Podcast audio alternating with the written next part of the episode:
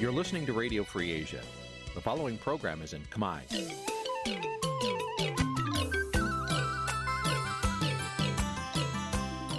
Nǐ chi càm bi tiệp xáy vệt chiu a zì sê នេះជាកម្មវិធីផ្សាយរបស់ Vithu Azisari ជាភាសាខ្មែរ វិទ្យុអាស៊ីសេរីសូមស្វាគមន៍លោកអ្នកនាងទាំងអស់ពីរដ្ឋធានី Washington នៃសហរដ្ឋអាមេរិក បាទប្រធានាទីវ៉ាស៊ីនតោនខ្ញុំបាទទីនសាការីយ៉ាសូមជម្រាបសួរលោកនាងកញ្ញាទាំងអស់ជាទីមេត្រីខ្ញុំបាទសូមជូនកម្មវិធីផ្សាយសម្រាប់ព្រឹកថ្ងៃអង្គារ9កើតខែកដិកឆ្នាំថោះបញ្ញស័កពុទ្ធសករាជ2567ត្រូវនៅថ្ងៃទី21ខែវិច្ឆិកាគ្រិស្តសករាជ2023បាទជាដំបូងនេះសូមអញ្ជើញលោកនាងកញ្ញាស្ដាប់ព័ត៌មានប្រចាំថ្ងៃដែលមានមេត្តាដូចតទៅ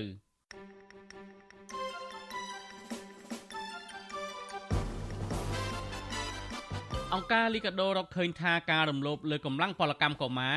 និងការបញ្ចាំខ្លួនដោះបំណុលនៅតែកើតមាននៅក្នុងសពកម្មល្អិតបរដ្ឋផ្លាស់ទីលំនៅពីតំបន់អង្គរទៅរស់នៅតំបន់រុនតាឯកមានជីវភាពកាន់តែលំបាកខ្លាំងមន្ត្រីអង្គការសង្គមស៊ីវិលប្រួយបារម្ភថានឹងមានចំនួនដីធ្លី នៅពេលបរដ្ឋពង្រីកផ្ទៃដីព្រៃតាមតំបន់ការពារ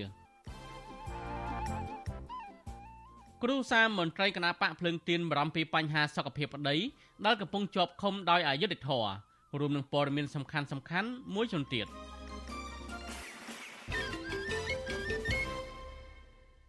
បាទលោកនាងទីមេត្រីជាបន្តទៅនេះខ្ញុំម៉ាទីនសាការីយ៉ាសូមជូនព័ត៌មានពុស្ដាមន្ត្រីអង្គការសង្គមស៊ីវិលព្រួយបារម្ភថានឹងមានចំនួនដីធ្លីកើនឡើងនៅពេលដែលរដ្ឋាភិបាលពង្រីកផ្ទៃដីព្រៃតាមតំបន់ការពារធនធានធម្មជាតិការលើកឡើងនេះ បន្ទាប់ពីរដ្ឋាភិបាលបានប្រកាសពង្រីកផ្ទៃដីតំបន់ការពារចំនួន3ទីតាំងផ្សេងគ្នាខណៈកន្លងទៅរដ្ឋាភិបាលតែងតែកាត់ដីព្រៃឲ្យទៅក្រុមហ៊ុនឯកជនគ្រប់គ្រងបាទប្រធានាធិបតីវ៉ាស៊ីនតោនលោកជាតិចំណានរាយការណ៍ព័ត៌មាននេះមន្ត្រីសង្គមស៊ីវិលនិងអ្នកការពារបរិស្ថានលើកឡើងស្រដៀងគ្នាថានៅពេលដែលរដ្ឋាភិបាលពង្រីកផ្ទៃដីនៅតំបន់ការពារប្រកាសជាមានចំនួនដីធ្លីកើនឡើងប្រសិនបើរដ្ឋាភិបាលបានកាត់ជ្រៀលដីអាស្រ័យផលរបស់ប្រជាពលរដ្ឋដែលរស់នៅជុំវិញតំបន់ព្រៃការពារទាំងនោះ គណៈរដ្ឋបន្តកាត់ដីគម្របព្រៃឈើក្នុងតំបន់ការពារឲ្យទៅក្រុមហ៊ុនឯកជនគ្រប់គ្រងក្នុងរូបភាពផ្ដោតដីសម្បត្តិសេដ្ឋកិច្ចក្រៅពីនោះពួកគេថាព្រៃឈើនៅក្នុងតំបន់ការពារសពថ្ងៃបានរងការកាប់ទន្ទ្រានព្រៃធ្វើជាកម្មសិទ្ធិឥតឈប់ឈរអ្នកសម្របសម្រួលគម្រោងធុរកិច្ចនិងសិទ្ធិមនុស្សរបស់មជ្ឈមណ្ឌលសិទ្ធិមនុស្សកម្ពុជាលោកវ៉ាន់សុផាតប្រាប់វិសុអេស៊ីសរ៉ៃនៅថ្ងៃទី20ខែវិច្ឆិកាថារដ្ឋាភិបាលត្រូវកិត្តគូចេញបានកម្មសិទ្ធិដីធ្លីដល់ប្រជាពលរដ្ឋដែលរស់នៅជុំវិញតំបន់ព្រៃការពារទាំងនោះ ជាមុនសិនមុននឹងពង្រីកផ្ទៃដីនៅតាមតំបន់ការពារដើម្បីជៀសវាងមានបញ្ហាចំនួនដីធ្លីកើនឡើងនិងការបណ្តេញចេញទាំងបង្ខំលោកបន្ថែមថាប្រសិនបរដ្ឋមិនកាត់ជ្រៀតដីអាស្រ័យផលទុកឲ្យពលរដ្ឋនោះទេចំនួនដីធ្លីនឹងកើតឡើងជាក់ជាមិនខានលោកព្រួយបារម្ភខ្លាចរដ្ឋាភិបាលនឹងទុកដីទាំងអស់នោះដើម្បីធ្វើអនុប្រយោគផ្ដាល់ដីសម្បត្តិសេដ្ឋកិច្ចទៅឲ្យក្រុមហ៊ុនឯកជនគ្រប់គ្រងធ្វើឲ្យមានភាពអយុត្តិធម៌សម្រាប់ប្រជាពលរដ្ឋរស់នៅជុំវិញតំបន់នោះ។ ការពង្រីកដែនជំរកសត្វព្រៃក៏ដូចជាតំបន់ការពារនេះគឺយើងមានការព្រួយបារម្ភណាស់ថាច្បាស់ជានឹងប៉ះពាល់ដល់ប្រជាពលរដ្ឋដែលគាត់នៅអាស្រ័យផលលើដីស្រែចម្ការនៅតំបន់ព្រៃនឹងហើយហើយជាពិសេសគឺជនជាតិដើមភាគតិចតែម្ដងយើងមានការព្រួយបារម្ភតែនៅពេលណាដែលរដ្ឋចង់ធ្វើអនុប្រយោគដីទាំងនោះ ឲ្យទៅជាដីឯកជនរបស់រដ្ឋហើយនឹងផ្ដល់ជាអាជ្ញាប័ណ្ណផ្ដល់ជាសម្បទានដីសេដ្ឋកិច្ចសម្បទានដីផ្សេងផ្សេងទៀតទៅឲ្យក្រុមហ៊ុនឬនៅមានអំណាចណាមួយនោះគឺវាងាយស្រួលបំផុតការលើកឡើងនេះបន្ទាប់ពីរដ្ឋាភិបាលបានប្រកាសពង្រីកផ្ទៃដីតំបន់ការពារចំនួន8ទីតាំងផ្សេងគ្នាក្នុងនោះរួមមានដែនជម្រកសត្វព្រៃភ្នំណាំលាដែនជម្រកសត្វព្រៃកៅសេម៉ាដែនជម្រកសត្វព្រៃបឹងប៉ែដែនជម្រកសត្វព្រៃសម្បូរដែនជម្រកសត្វព្រៃតាតៃដែនជម្រកសត្វព្រៃគូលែន និងដែនជម្រកសត្វព្រៃឡង់នេះបើតាមសិភើរាជក្រឹតដែលបានចេញផ្សាយកាលពីថ្ងៃទី8ខែវិច្ឆិកាវិសុវស៊ីស្រីមិនអាចតាក់ទងប្រធានអ្នកនាំពាក្យរដ្ឋាភិបាលលោកប៉ែនប៊ុនណានិងអ្នកនាំពាក្យក្រសួងបរិស្ថានលោកផៃប៊ុនឈឿនបាននោះទេនៅថ្ងៃទី20ខែវិច្ឆិកាដោយទូរស័ព្ទចូលតែគ្មានអ្នកទទួលបើទោះបីជារដ្ឋាភិបាលបានប្រកាសពីទំហំដីព្រៃនៃការឡើងក៏ពិតមែនថ្មីថ្មីនេះបណ្ដាញសហគមន៍ព្រៃឡង់ខេត្តព្រះវិហារបានរកឃើញការកាប់ទន្ទ្រានដីព្រៃយកធ្វើជាកម្មសិទ្ធិ ក្នុងដែនជម្រកសត្វព្រៃឡង់ប្រមាណជាង30ហិកតាដោយមិនទាន់ឃើញមានអាជ្ញាធរស្វែងរកជនប្រព្រឹត្តទាំងនោះយកមកផ្ដន់ទោសនៅឡើយទេរីឯអ្នកការពារបរិស្ថាននិងសិទ្ធិមនុស្សលោកម៉ាចត្រាព្រួយបារម្ភថាការពង្រីកផ្ទៃដីនៅតំបន់ការពារទាំងនោះវាគ្រាន់តែជាការវាទីទុកដីសម្រាប់ផ្ដល់ជាសម្បត្តិសេដ្ឋកិច្ចទៅឲ្យក្រុមហ៊ុនឯកជន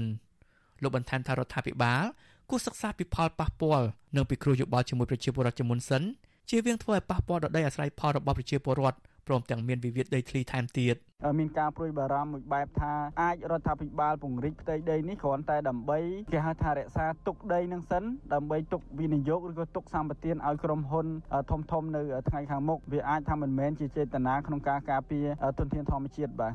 មន្ត្រីសង្គមស៊ីវិលនិងអ្នកការពារបរិស្ថានចង់ឃើញមន្ត្រីរដ្ឋាភិបាលខិតខំប្រឹងប្រែងការពារព្រៃឈើដែលកំពុងមាននៅពេលបច្ចុប្បន្នឲ្យគង់វង្សនិងត្រូវស្វែងរកអ្នកបំផ្លាញព្រៃឈើពិតប្រាកដយកមកអនុវត្តច្បាប់ កាលពីឆ្នាំ2021អង្គការកំណត់ព្រឹកដើមសកលប្រឆាំងនឹងអក្រិតកម្មឆ្លងដែនបានរកឃើញថាកម្ពុជា បានបាត់បង់គម្របព្រៃឈើជាងកន្លះលានហិកតាស្មើនឹងប្រមាណ7.12%នៃតំបន់ការពារធម្មជាតិរបស់កម្ពុជាចន្លោះពីឆ្នាំ2001ដល់ឆ្នាំ2018ខ្ញុំបាទជាតិចំណាន Visual Society ពីរដ្ឋធានី Washington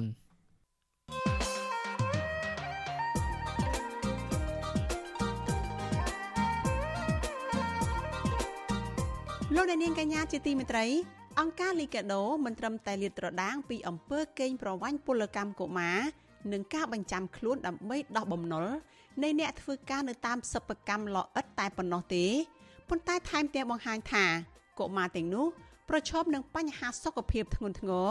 ដោយសារស្រូបយកជាតិពុលចេញពីចំហេះដែលគេប្រើកំទេចក្រណាត់ដើម្បីដុតឥដ្ឋនោះថែមទៀតផងដូច្នេះបើតាមអ្វីដែលអង្គការសិទ្ធិមនុស្សនេះរកឃើញ អំពើរំលោភសិទ្ធិកុមារនៅតាមសិប្បកម្មលអិតនៅកម្ពុជា កំពុងតែលេចលឺសុសសាយពេញពិភពលោក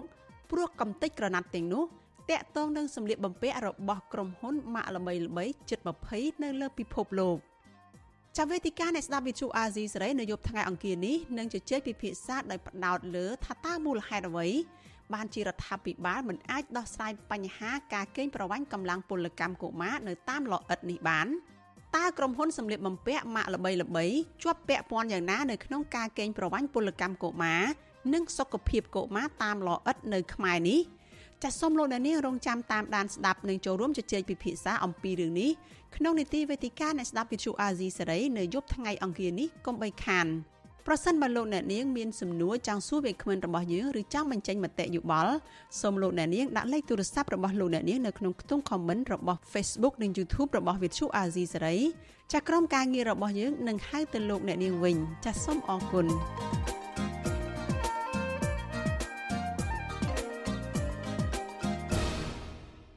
បានលោកនេះទីមេត្រីតកតទៅនឹងរឿងនយោបាយវិញអតីតមេដឹកនាំសហព័ន្ធសហជីពស្រីកម្មករនៃព្រះរាជាណាចក្រកម្ពុជា ដ៏ល្បីឈ្មោះមួយរូបត្រូវបានតែងតាំងជាអនុប្រធានគណៈបកកម្លាំងជាតិអតីតមេដឹកនាំសហជីពរូបនេះគឺលោកជាមនីលោកបានប្រកាសចំហថានឹងប្រឹងធ្វើការងារបកឲ្យអស់ពីលទ្ធភាពដើម្បីសិទ្ធិសេរីភាពនិងចូលរួមស្ដារប្រជាធិបតេយ្យនៅកម្ពុជាឲ្យរស់ឡើងវិញអតីតមេដឹកនាំសហជីពលោកជាមនីលើកឡើងថាការដែលលោកចូលរួមជាមួយគណៈបកកម្លាំងជាតិដោយសារតែគណៈបកមួយនេះកើតចេញពីក្រុមអ្នកស្រឡាញ់ប្រជាធិបតេយ្យរួបរวมគ្នាធ្វើការងារដើម្បីផលប្រយោជន៍ជាតិ អតីតមេដឹកនាំសហជីពសេរីកម្មករនៃព្រះរាជាណាចក្រកម្ពុជាលោកជាមនីបានប្រាប់វិទ្យុអាស៊ីសេរីនៅថ្ងៃទី20វិច្ឆិកាថាចាប់ពីពេលនេះតទៅលោកនឹងយកចំណេះដឹងនិងបទពិសោធន៍ការងារសហជីពរបស់លោកមកប្រើប្រាស់ក្នុងការដឹកនាំគណៈបកកម្លាំងជាតិដើម្បីឲ្យប្រជាពលរដ្ឋមានសិទ្ធិសេរីភាព និងប្រទេសជាតិមានប្រជាធិបតេយ្យឡើងវិញ។ពួកយើងបដិញ្ញាថាធ្វើយ៉ាងធ្វើឲ្យបរដ្ឋទទួលបានលទ្ធិប្រជាធិបតេយ្យតាមរយៈការពន្យល់ បង្ហាញហេតុនិងផលដែលច្បាប់មានចែងចឹងទេពួកយើងនឹងនឹងធ្វើកិច្ចការនឹងជូនប្រជាពលរដ្ឋយើងពីព្រោះបណ្ដាបច្ចុប្បន្នហ្នឹងគេតែងតែនិយាយប្រជាធិបតេយ្យយើងធិបតេយ្យប៉ុន្តែខ្ញុំឃើញប្រជាពលរដ្ឋអត់ទាន់ទទួលបានប្រជាធិបតេយ្យអីទេសូម្បីគណៈបកនយោបាយមួយចំនួនហ្នឹងក៏មិនទាន់បានលក្ខណៈប្រជាធិបតេយ្យត្រឹមត្រូវផងគណៈបកមួយចំនួនគឺមិនត្រូវបានធ្វើសកម្មភាពរបស់ខ្លួនកាលពីថ្ងៃទី18វិច្ឆិកាគណៈកម្មាធិការអចិន្ត្រៃយ៍គណៈបកកម្លាំងជាតិ បានតែងតាំងលោកជាមនីជាអនុប្រធានគណៈបកនិងជាអ្នកនាំពាក្យគណៈបកមួយនេះលោកជាមនីធ្លាប់ធ្វើជាប្រធានសហជីពសេរីកម្មករនៃព្រះរាជាណាចក្រកម្ពុជាអស់រយៈពេលជិត20ឆ្នាំបន្តពីបងប្រុសរបស់លោកគឺលោកជាវិជាដែលជាមេដឹកនាំសហជីពដ៏ល្បីឈ្មោះនិងសកម្មហើយត្រូវបានឃាតករបាញ់សម្លាប់កាលពីឆ្នាំ2004ដោយសារតែលោកជាវិជាធ្វើការងារសកម្មក្នុងការទាមទារសិទ្ធិសេរីភាព និងទាមទារប្រាក់ខែសមរម្យសម្រាប់កម្មករតើតើនឹងបញ្ហានេះ អ្នកនាំពាក្យគណៈបកប្រជាជនកម្ពុជាលោកសុកអេសានអះអាងថាកម្ពុជាក្រោមការដឹកនាំរបស់អតីតនាយករដ្ឋមន្ត្រីលោកហ៊ុនសែននិងលោកហ៊ុនម៉ាណែតដែលជានាយករដ្ឋមន្ត្រីបច្ចុប្បន្ននេះគឺពលរដ្ឋមានសិទ្ធិសេរីភាពនឹងមានប្រជាធិបតេយ្យរួចទៅហើយលោកអះអាងទៀតថាលោកមិនព្រួយបារម្ភនឹងការចូលរួមសកម្មភាពនយោបាយរបស់លោកជាមនីនៅពេលនេះនោះទេ នៅក្នុងសង្គមកម្ពុជាយើងប្រកួតប្រជែងលើមូលដ្ឋានគោរពច្បាប់អនុវត្តត្រឹមត្រូវទៅតាមគោលការណ៍ច្បាប់តែប៉ុណ្្នឹងតែយើងអត់មានព្រួយបារម្ភអីទេក៏ប៉ុន្តែយើងខិតខំដើម្បីធ្វើម៉េចគឺថាឃោសនាផ្សព្វផ្សាយកម្មវិធីនយោបាយឲ្យប្រជាជនលោកយល់ហើយលោកមានក្តីសង្ឃឹមលើកម្មវិធីនយោបាយរបស់គណៈបកប្រជាជនកម្ពុជាហើយលោកគ្រប់គ្រងទោះជាយ៉ាងណានាយកប្រតិបត្តិអង្គការ Netflix លោកសំគុណធាមីមើលឃើញថា លោកជាមនីចូលរួមជាមួយគណៈបកកម្លាំងជាតិនឹងធ្វើឲ្យគណៈបកមួយនេះកាន់តែមានប្រជាប្រិយភាពលោកបន្តថាដើម្បីឲ្យគណៈបកនេះទទួលបានជោគជ័យក្នុងការបោះឆ្នោតនាពេលខាងមុខលុះត្រាតែគណៈកម្មាធិការជាតិរៀបចំការបោះឆ្នោតកោជបរៀបចំការបោះឆ្នោតប្រកបដោយសេរីនិងត្រឹមត្រូវបានខាងអស់លោកនឹងចូលរួមធ្វើនយោបាយទៅវាកាន់វាមានភាពប្រកួតប្រជែងគ្នាក្នុងដំណើរការបោះឆ្នោតដែរ ហើយនឹងលទ្ធិប្រជាធិបតេយ្យក៏វាមានភាពជាលៀនទៅមុខទៀតដែរណាបាទមានគណៈបកចូលរួមគណៈបកដែលអ្នកដែលមានជាប្រិយភាពបានចូលរួមជាមួយបាទគណៈបកកម្លាំងជាតិជាគណៈបកថ្មីថ្មោងមួយត្រូវបានបង្កើតឡើងដោយអតីតមន្ត្រីជាន់ខ្ពស់គណៈបកភ្លើងទៀនបន្ទាប់ពីកោជបមិនអោយគណៈបកភ្លើងទៀនចូលរួមការបោះឆ្នោតជាតិនាពេលកន្លងទៅទោះជាយ៉ាងណាមន្ត្រីជាន់ខ្ពស់គណៈបកភ្លើងទៀនមួយចំនួនទៀត ក៏ងាកទៅចងសម្ព័ន្ធភាពជាមួយគណៈបកក្រៅរដ្ឋាភិបាលចំនួន3ទៀតដែរដោយឡែកលោករងឈុនដែលជាអនុប្រធានគណៈបកភ្លើងទៀនដែលអង្គសាមាជគណៈបកកម្លាំងជាតិបោះឆ្នោតឲ្យលោកធ្វើជាប្រធានគណៈបកនេះត្រូវបានអាខានទៅវិញដោយសារតែក្រសួងមហាផ្ទៃនិងក្រសួងយុទ្ធភ័ពបានគម្រិតកំហែងជាបន្តបន្ទាប់ក្រមលេសថាលោករងឈុនមិនទាន់មាននីតិសម្បទាគ្រប់គ្រាន់ក្នុងការធ្វើនយោបាយនៅឡើយ។ ដោយសារតែពាក់ព័ន្ធនឹងសំណុំរឿងដែលលោកចុះទៅការពារបរដ្ឋនៅខេត្តត្បូងឃ្មុំដែលអះអាងថាវៀតណាមបានរំលោភយកដីស្រែចម្ការរបស់ពួកគាត់លោកជាមនីលើកឡើងថាបើទោះបីជាតំណែងដែលលោកទទួលបាននៅពេលនេះប្រឈមនឹងការធ្វើទុកបុកម្នេញពីសំណាក់អាជ្ញាធរបកកណ្ដាលអំណាចក៏ដោយក៏លោកមិនរៀថយដែរក្នុងការចូលរួមធ្វើសកម្មភាពនយោបាយដើម្បីប្រកួតប្រជែងការបោះឆ្នោតនាពេលខាងមុខ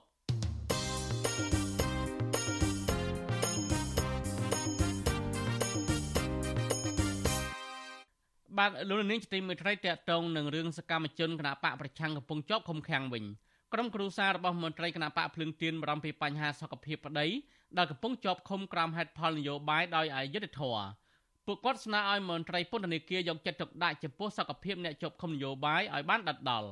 មន្ត្រីសង្គមស៊ីវិលយល់ឃើញថារដ្ឋាភិបាលគួរតែដោះស្រាយវិបត្តិនយោបាយនិងដោះលែងសកម្មជនទាំងនោះដើម្បីឲ្យពួកគេជួបជុំក្រុមគ្រួសារឡើងវិញ។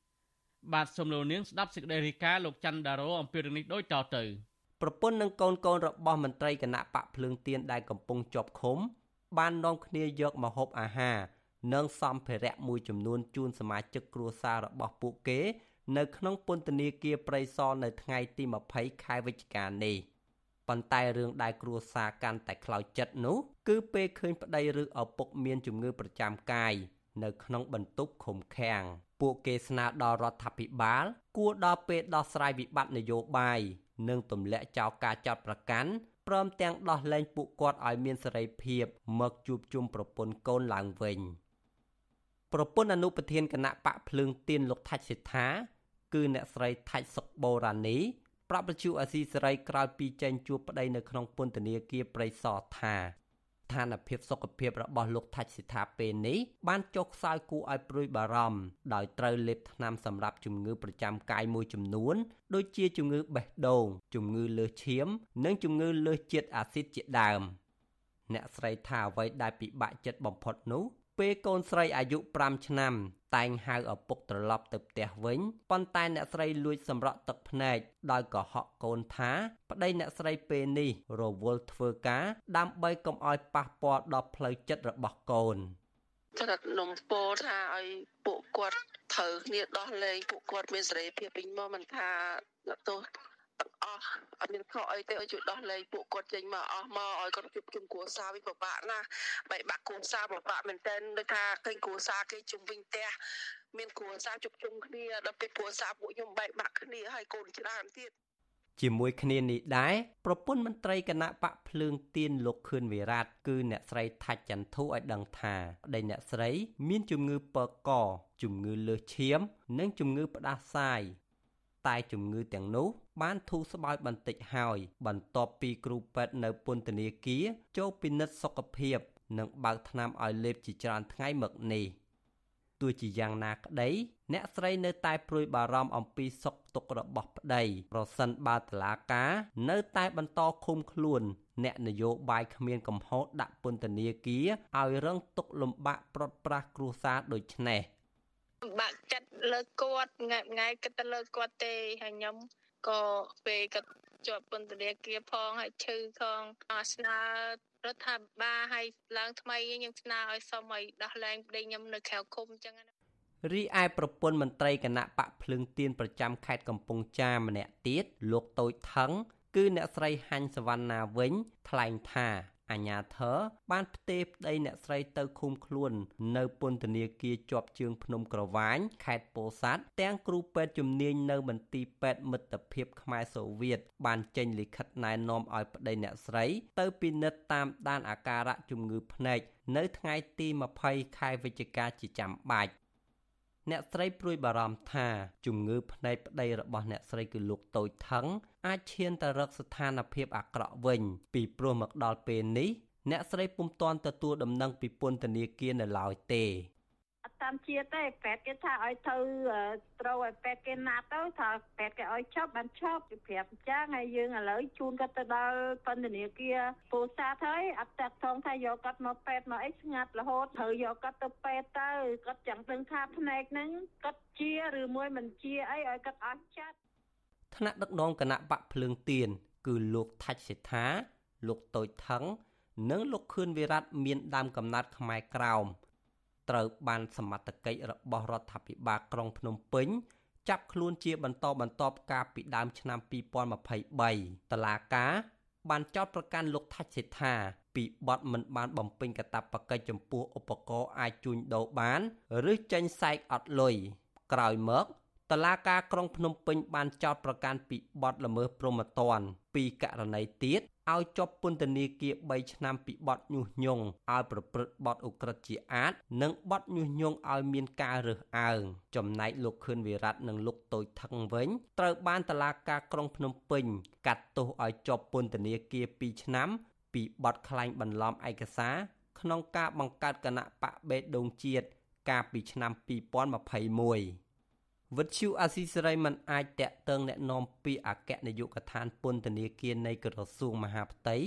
ដើម្បីឆ្លើយតបជុំវិញរឿងនេះបានទេនៅថ្ងៃទី20ខែវិច្ឆិកានេះជុំវិញរឿងនេះប្រធានសមាគមការពារសិទ្ធិមនុស្សអាត់ហុកលោកនីសុខាមានប្រសាសន៍ថាសកម្មភាពទាំងអម្បាលម៉ានរបស់សកម្មជនគណៈបកប្រឆាំងកន្លងមក គឺជាការប្រើប្រាស់សិទ្ធិសេរីភាពស្របតាមច្បាប់ មិនមែនជាបទល្មើសឡើយ។ ទន្ទឹមនឹងនេះលោកយល់ថាការដែលអាញាធរបន្តឃុំខ្លួនមនុស្សដែលគ្មានកំហុសដាក់ពន្ធនាគារធ្វើឲ្យពួកគេធ្លាក់ខ្លួនឈឺរងទុក្ខវេទនាផ្លូវកាយនិងផ្លូវចិត្តព្រាត់ប្រាសគ្រួសារនោះគឺជារឿងមិនត្រឹមត្រូវខណៈរឿងនេះទៀតសោតក៏មិនបានផ្ដល់ផលចំណេញដល់ជាតិនោះដែរផ្ទុយទៅវិញរដ្ឋាភិបាលនឹងរងតនកម្មបន្ថែមទៀតពីប្រទេសប្រជាធិបតេយ្យធំៗជាពិសេសសហរដ្ឋអាមេរិក ខ្ញុំនៅតែមានការអំពាវនាវដដែលដែលសូមឲ្យរដ្ឋាភិបាលមេត្តាពិចារណាបាទក្នុងការរបតម្រួលខាងផ្លូវនយោបាយនេះដើម្បីឈានទៅដល់ការដោះលែងពួកគេទាំងអស់ឲ្យមានសេរីភាពពីព្រោះថាប្រសិទ្ធជារដ្ឋាភិបាលនៅតែបន្តឃុំខ្លួននៅតែបន្តដាក់ឃុំទៅដល់អ្នកនយោបាយទាំងអស់នឹងទៀតខ្ញុំគិតថាមិនមែនជាផលចំណេញសម្រាប់រដ្ឋាភិបាលយល់ទេគិតត្រឹមខែវិច្ឆិកាមានសកម្មជននយោបាយសកម្មជនសិទ្ធិមនុស្ស សហជីពដីធ្លីប្រមាណ40នាក់កំពុងជាប់ឃុំតឡាការបានចោទប្រកាន់ពួកគេដូចដូចគ្នាពីបទរួមគំនិតក្បត់ និងញុះញង់ឲ្យមានភាពវឹកវរធ្ងន់ធ្ងរដល់សន្តិសុខសង្គមជាដើមដែលសហគមន៍ជាតិនិងអន្តរជាតិផ្នែកសិទ្ធិមនុស្សចោទថា ជាការឃុំខ្លួនមិនត្រឹមត្រូវហើយតែងតែទទូចឲ្យរដ្ឋាភិបាលដោះលែងពួកគេដោយឥតលក្ខខណ្ឌខ្ញុំបាទច័ន្ទដារោវុទ្ធុ អាស៊ីសេរី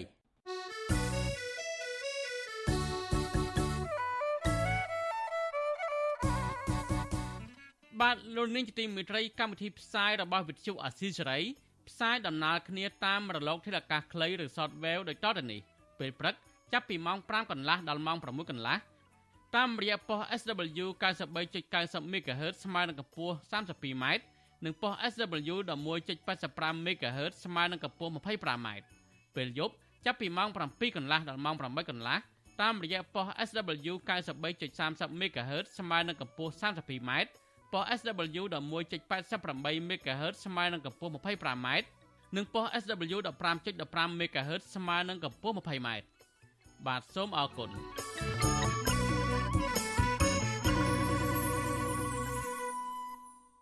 បាទលោកនេះទីមេត្រីតកតងនឹងសិទ្ធិកុមារវិញអង្គការសម្ព័ន្ធខ្មែរជំរឿននឹងការពារសិទ្ធិមនុស្សហៅកាត់ថាលីកាដូកាលពីថ្ងៃទី20វិច្ឆិកាបានចេញផ្សាយរបាយការណ៍មួយរកឃើញថាការបញ្ចាំខ្លួនដោះបំណុលនិងការកេងប្រវ័ញ្ចកម្លាំងពលកម្មកុមារនៅតែបន្តកើតមាននៅក្នុងវិស័យសិប្បកម្មលអិតខណៈដែលអាជ្ញាធរអសកម្មក្នុងការដោះស្រាយសង្គមស៊ីវិលបារម្ភពីសុខភាពនិងអនាគតរបស់កុមារបន្ទាប់ពីឪពុកម្ដាយរបស់ពួកគេបង្ខំឲ្យកូនឈប់រៀន ដើម្បីងាកមកជួយរកប្រាក់ដោះបំណុលធនាគារបាទប្រធានាធិបតីវ៉ាស៊ីនតោនលោកមានរិទ្ធរាយការណ៍ព័ត៌មាននេះការជំពាក់បំណុលរបស់កម្មករលអិនមួយចំនួនកំពុងរញច្រានឲ្យកូនកូនរបស់ពួកគេរងនឹងការរំលោភបំពានសិទ្ធិកុមារពីសំណាក់ម្ចាស់សិប្បកម្មលអិតទាំងមិនដឹងខ្លួនបញ្ហានេះធ្វើឲ្យកុមារមួយចំនួនប្រឈមនឹងជំងឺនិងបោះបង់ចោលការសិក្សា របាយការណ៍របស់អង្គការ Liga do មានចំណងជើងថាចំណងក្នុងលអិនឱកាសដើម្បីបញ្ឈប់ការបញ្ចាំខ្លួនដោះបំណុលនិងពលកម្មកុមារនៅសិប្បកម្មលអិននៅកម្ពុជារកឃើញថាសិប្បកម្មផលិតឥដ្ឋចំនួន21ទីតាំងក្នុងខេត្តកណ្ដាលនិងរាជធានីភ្នំពេញរំលោភលើសិទ្ធិកុមារលើសពីនេះទៀតកម្មករលអិតចំនួន10នាក់បញ្ជាក់ថាពួកគេបានបញ្ចាំខ្លួនដើម្បីដោះបំណុល កម្មករទាំងនោះថាដោយសារតែតម្លៃឥតថោកនិងប្រាក់ចំណូលទាបផងនោះពួកគេបានបង្ខំចិត្តយកកូនកូនដែលមានអាយុទើបតែ9ឆ្នាំមកធ្វើការរកប្រាក់ដើម្បីជួយដោះបំណុល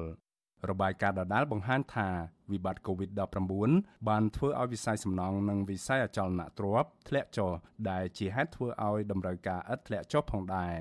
ចំណែកឯប្រាក់ឈ្នួលទាបមិនឆ្លើយតបទៅនឹងតម្រូវការជីវភាពរបស់កម្មករបានធ្វើឲ្យកម្មករមួយចំនួនខ្ចីបុលលុយពីម្ចាស់សិប្បកម្មលោអិតហើយពួកគេត្រូវធ្វើការដើម្បីដោះបំណុលកម្មករខ្លះទៀតបានផុងខ្លួនក្នុងបំណុលដោយសារតែការកើនឡើងនៃការប្រាក់ដែលបញ្ហានេះធ្វើឲ្យមានការកេងប្រវ័ញ្ចកម្លាំងពលកម្មទៅលើកុមារកាន់តែកើតមានឡើងជាបន្តបន្ទាប់ ជាងនេះទៅទៀតម្ចាស់សិប្បកម្មមួយចំនួន បានផ្ទេរកម្មករឲ្យទៅធ្វើការដោះបំណុលពីកន្លែងមួយទៅកន្លែងមួយចំនួនទៀតរហូតដល់ដោះបំណុលរួចនាយកទទួលបន្ទុកកិច្ចការទូតនៃអង្គការ Liga do លោកអំសំអាតប្រាវិសុវស៊ីស្រីនៅថ្ងៃទី20ខែវិច្ឆិកាថាគោលបំណងនៃការចេញរបាយការណ៍នេះគឺដើម្បីជំរុញរដ្ឋាភិបាល និងភាគីពាក់ព័ន្ធឲ្យបញ្ឈប់ការកេងប្រវ័ញ្ចកម្លាំងពលកម្មកុមារនៅក្នុងវិស័យសិប្បកម្មលោអិត លោកក៏សម្គាល់ថាអាញាធរមិនបានជួយដោះស្រាយនិងទប់ស្កាត់ ការរំលោភបំពានសិទ្ធិកុមារនៅក្នុងវិស័យសិប្បកម្មលោអិតនៅឡើយទេ ដោយបណ្ដាលឲ្យកុមារមួយចំនួន មានបញ្ហាសុខភាពដោយសារធ្វើការលើសកម្លាំងបាទអានឹងគឺដូចគ្នាដែរកាលណាបើសិនជាគាត់ធ្វើការនៅក្នុងលអិតហើយលអិតខ្លះឬក៏ម៉ែខ្លះគឺគាត់ប្រឹងប្រែងក្នុងការធ្វើការហើយឪពុកម្ដាយគិតតែពីកូនឲ្យជួយធ្វើការអញ្ចឹងអាច ពួកគាត់អាចនឹងបោះបង់ការសិក្សាដើម្បីជួយធ្វើការងារសម្រាប់ពួកគាត់ណាអានឹងគឺវាប៉ះពាល់សម្រាប់ធនធានមនុស្សយើងទៅថ្ងៃក្រោយទៀតក្នុងការអភិវឌ្ឍជាតិបើសិនពួកគាត់មិនបានចូលសាលាបាទវិសុវអាស៊ីស្រីមិនអាចតាក់ទងแนะនាំពាក្យក្រសួងកាងារលោកកតាអូនដើម្បីសុំការបកស្រាយជុំវិញការកេងប្រវ័ញ្ចកម្លាំងពលកម្មកុមារនៅក្នុងវិស័យសិប្បកម្មលអិតបាននៅឡើយទេនៅថ្ងៃទី20ខែវិច្ឆិកា កាលពីឆ្នាំ2019កន្លងទៅក្រសួងកាងារធ្លាប់បានដាក់ចេញនូវវិធានការហាមឃាត់ដាច់ខាតរាល់ទម្រង់នៃការកេងប្រវ័ញ្ចពលកម្មកុមារនិងការបង្ខំឲ្យកុមារធ្វើការដើម្បីដោះបំណុលក្រសួងកាងារធ្លាប់ប្រមានថាប្រសិនបើម្ចាស់ឬនាយកសិប្បកម្មផលិតទាំងឡាយណាខកខានមិនអនុវត្តតាមការណែនាំនេះពួកគេនឹងត្រូវទទួលរងនឹងការផាកពិន័យឬអាចឈានទៅដល់ការបិទអាជីវកម្មឬអាចប្រឈមទៅនឹងបទល្មើសព្រហ្មទណ្ឌ ទោះជាបែបនេះក្តីក៏បច្ចុប្បន្នការកេងប្រវ័ញ្ចកម្លាំងពលកម្មលើកុមារនៅតែបន្តកើតមានដដែលក្រៅពីការកេងប្រវ័ញ្ចកម្លាំងពលកម្មកុមារឲ្យធ្វើការនៅក្នុងសិប្បកម្មលអិតហើយនោះ របាយការណ៍ដដែលក៏បានរកឃើញដែរថាកន្លែងសិប្បកម្មលអិនមួយចំនួនបានដុតកំទេចកំណាត់ខោអាវធ្វើជាចំហេះដើម្បីដុតអិនដែលធ្វើឲ្យកម្មករកុមារនិងស្ត្រីមានផ្ទៃពោះប្រឈមទៅនឹងបញ្ហាសុខភាពជាច្រើនដូចជាបញ្ហាជំងឺផ្លូវដង្ហើមការឈឺក្បាល និងជំងឺផ្សេងទៀតព្រមទាំងប៉ះពាល់ដល់បរិស្ថានផងដែរ អង្គការលីកាដូបង្ហាញថាកំទេចកំណាត់សម្លៀកបំពាក់ម៉ាកយីហោលំដាប់អន្តរជាតិចំនួន19ម៉ាកបានលក់ទៅឲ្យសិប្បកម្មឡអិតក្នុងចំណោមម៉ាកយីហោសម្លៀកបំពាក់ទាំង19ក្រុមហ៊ុនអង្គការលីកាដូបានដាក់លិខិតទៅក្រុមហ៊ុនចំនួន16ដើម្បីស្នើឲ្យម្ចាស់ក្រុមហ៊ុន បញ្ឈប់និងទប់ស្កាត់ការនាំយកកំទេចកំណាត់ទាំងនោះទៅឲ្យសិប្បកម្មឡអិត ក៏ប៉ុន្តែគិតត្រឹមថ្ងៃទី19ខែវិច្ឆិកាមានក្រុមហ៊ុនចំនួនតែ6ប៉ុណ្ណោះដែលបានឆ្លើយតបនឹងសន្យាកែប្រែវិសុវអាស៊ីស្រីមិនអាចតាក់ទងแนะនាំពាក្យក្រសួងបរិស្ថានលោកផៃប៊ុនឈឿនដើម្បីសុំការបកស្រាយជុំវិញបញ្ហានេះបាននៅឡើយទេនៅថ្ងៃទី20ខែវិច្ឆិកា ទាក់ទងនឹងបញ្ហានេះកម្មករលអិតនៅស្រុកមុខកំពូលខេត្តកណ្ដាលលោកស្រីច័ន្ទសុធាឲ្យវិសុវអាស៊ីស្រីដឹងថានៅក្នុងសិប្បកម្មលអិតដែលលោកស្រីធ្វើការមានការដុតកំទេចកំណាត់និងអង្កាម ដែលធ្វើឲ្យលោកស្រីឈឺក្បាលវិលមុខជាញឹកញាប់លោកស្រីបន្តថាក្នុងមួយថ្ងៃលោកស្រីអាចរកប្រាក់ចំណូលបាន15000រៀល លោកស្រីថាដោយសារជីវភាពគ្រួសារក្រីក្រនិងគ្មានជំរឿទើបលោកស្រីតស៊ូធ្វើការនៅក្នុងសិប្បកម្មលអិតបន្តទៀតបើទោះជាទទួលបានប្រាក់ឈ្នួលថោកក៏ដោយលោកស្រីបន្ថែមថាកត្តាប្រាក់ឈ្នួលទាបនេះហើយបានបង្ខំឲ្យលោកស្រីធ្វើការលើសកម្លាំងនិងប្រឈមនឹងជំងឺប្រចាំកាយជាច្រើនហើយមានពេលខ្លះទៀត កូនលោកស្រីដែលមានអាយុទើបតែ12ឆ្នាំបានមកជួយរុញរទេះឲ្យលោកស្រីនេះមានតែអូនមានបញ្ហាតែទៅជាធ្វើធុកយើងធ្វើទុកកាពះណាពះឈឺមកហ្នឹងឥឡូវនេះងាកងាកឆ្នាំងាកងាកឆ្នាំរហូតហ្នឹងជាយើងរហូតនេះ គឺទុកកាពះយើងជួលយើងធ្វើការអទៀងទាត់ចឹងហូបបាយហូបទឹកចឹងធ្វើហួសកំណត់ដោយថាម៉ោង2ដល់ដល់ម៉ោង1ម៉ោងអីជាងចឹងយើងចង់បានចឹងចង់បានចង់បានលុយយើងធ្វើលើម៉ោងអូនជាបានហើយយើងធ្វើដល់ម៉ោង10មិនដល់ឈប់អត់បានទេអានេះគេរាប់វារាប់ប្រយចឹងគិតប្រយអត់ចឹងទៅឲ្យយើង5000ចឹងមន្ត្រីអង្គការសង្គមស៊ីវិលស្នើឲ្យរដ្ឋាភិបាល ចាត់វិធានការលើម្ចាស់សិប្បកម្មលអិតទាំងឡាយណា ដែលរំលោភបំពានលើសិទ្ធិកុមារនិងជំរុញឲ្យរដ្ឋាភិបាលទប់ស្កាត់ការបញ្ចាំខ្លួនដើម្បីដោះបំណុលនៅក្នុងវិស័យសិប្បកម្មលអិតពួកគាត់លើកឡើងថារដ្ឋាភិបាលអាចជួយកម្មករទាំងនោះបានតាមរយៈការលើកកម្ពស់វិស័យការងារនៅក្នុងស្រុកនិងការរៀបចំឲ្យកម្មករនៅតាមសិប្បកម្មលអិតទទួលបានរបបបេឡាសន្តិសុខសង្គមឬបសសដើម្បីជួយគាំពារសុខភាពរបស់ពួកគាត់ ជាងនេះទៅទៀតរដ្ឋាភិបាលត្រូវមានវិធានការច្បាប់តឹងរឹងទៅលើម្ចាស់ក្រុមហ៊ុនផលិតសម្លៀកបំពាក់ណា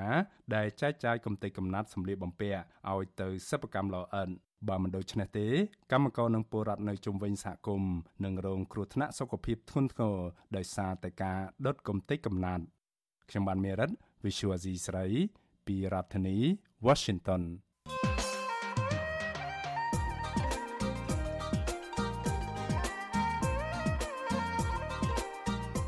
លោកអ្នកនាងកញ្ញាជាទីមេត្រីអង្គការលីកាដូមិនត្រឹមតែលាតត្រដាង ពីអំពើកេងប្រវ័ញ្ចពលកម្មកុមារនិងការបញ្ចាំខ្លួនដើម្បីដោះបំណុលនៃអ្នកធ្វើការនៅតាមសិប្បកម្មលអិតតែប៉ុណ្ណោះទេប៉ុន្តែថែមទាំងបង្ហាញថាកុមារទាំងនោះប្រឈមនឹងបញ្ហាសុខភាពធ្ងន់ធ្ងរដោយសារស្រូបយកជាតិពុលចេញពីចំហេះដែលគេប្រើកំទេចក្រណាត់ដើម្បីដុតឥដ្ឋនោះថែមទៀតផងដូច្នេះបើតាមអ្វីដែលអង្គការសិទ្ធិមនុស្សនេះរកឃើញ អំពើរំលោភសិទ្ធិកុមារនៅតាមសិប្បកម្មលអិតនៅកម្ពុជា កំពុងតែលេចលឺសុសសាយពេញពិភពលោកព្រោះកំទេចក្រណាត់ទាំងនោះតាក់ទងនឹងសម្លៀកបំពាក់របស់ក្រុមហ៊ុនម៉ាកល្បីល្បីជិត20នៅលើពិភពលោកចាវេទិកាអ្នកស្ដាប់វិទ្យុអាស៊ីសេរីនៅយប់ថ្ងៃអង្គារនេះនឹងជជែកពិភាក្សាដោយផ្ដោតលើថាតើមូលហេតុអ្វី បានជារដ្ឋាភិបាលមិនអាចដោះស្រាយបញ្ហាការកេងប្រវ័ញ្ចកម្លាំងពលកម្មកុមារនៅតាមលអិតនេះបាន តើក្រុមហ៊ុនសម្លៀកបំពាក់ម៉ាកល្បីល្បីជាប់ពាក់ព័ន្ធយ៉ាងណានៅក្នុងការកេងប្រវ័ញ្ចពលកម្មកុមារនិងសុខភាពកុមារតាមលអិតនៅខ្មែរនេះចាសសូមលោកអ្នកនាងរងចាំតាមដានស្ដាប់និងចូលរួមជជែកពិភាក្សាអំពីរឿងនេះក្នុងនីតិវេទិកាអ្នកស្ដាប់វិទ្យុអាស៊ីសេរីនៅយប់ថ្ងៃអង្គារនេះកុំបីខាន ប្រសិនបើលោកអ្នកនាងមានសំណួរចង់សួរវាគ្មិនរបស់យើងឬចង់បញ្ចេញមតិយោបល់សូមលោកអ្នកនាងដាក់លេខទូរស័ព្ទរបស់លោកអ្នកនាងនៅក្នុងខ្ទង់ comment របស់ Facebook និង YouTube របស់ Vithu Azizi Saray ចាស់ក្រុមការងាររបស់យើងនឹងហៅទៅលោកអ្នកនាងវិញចាស់សូមអរគុណ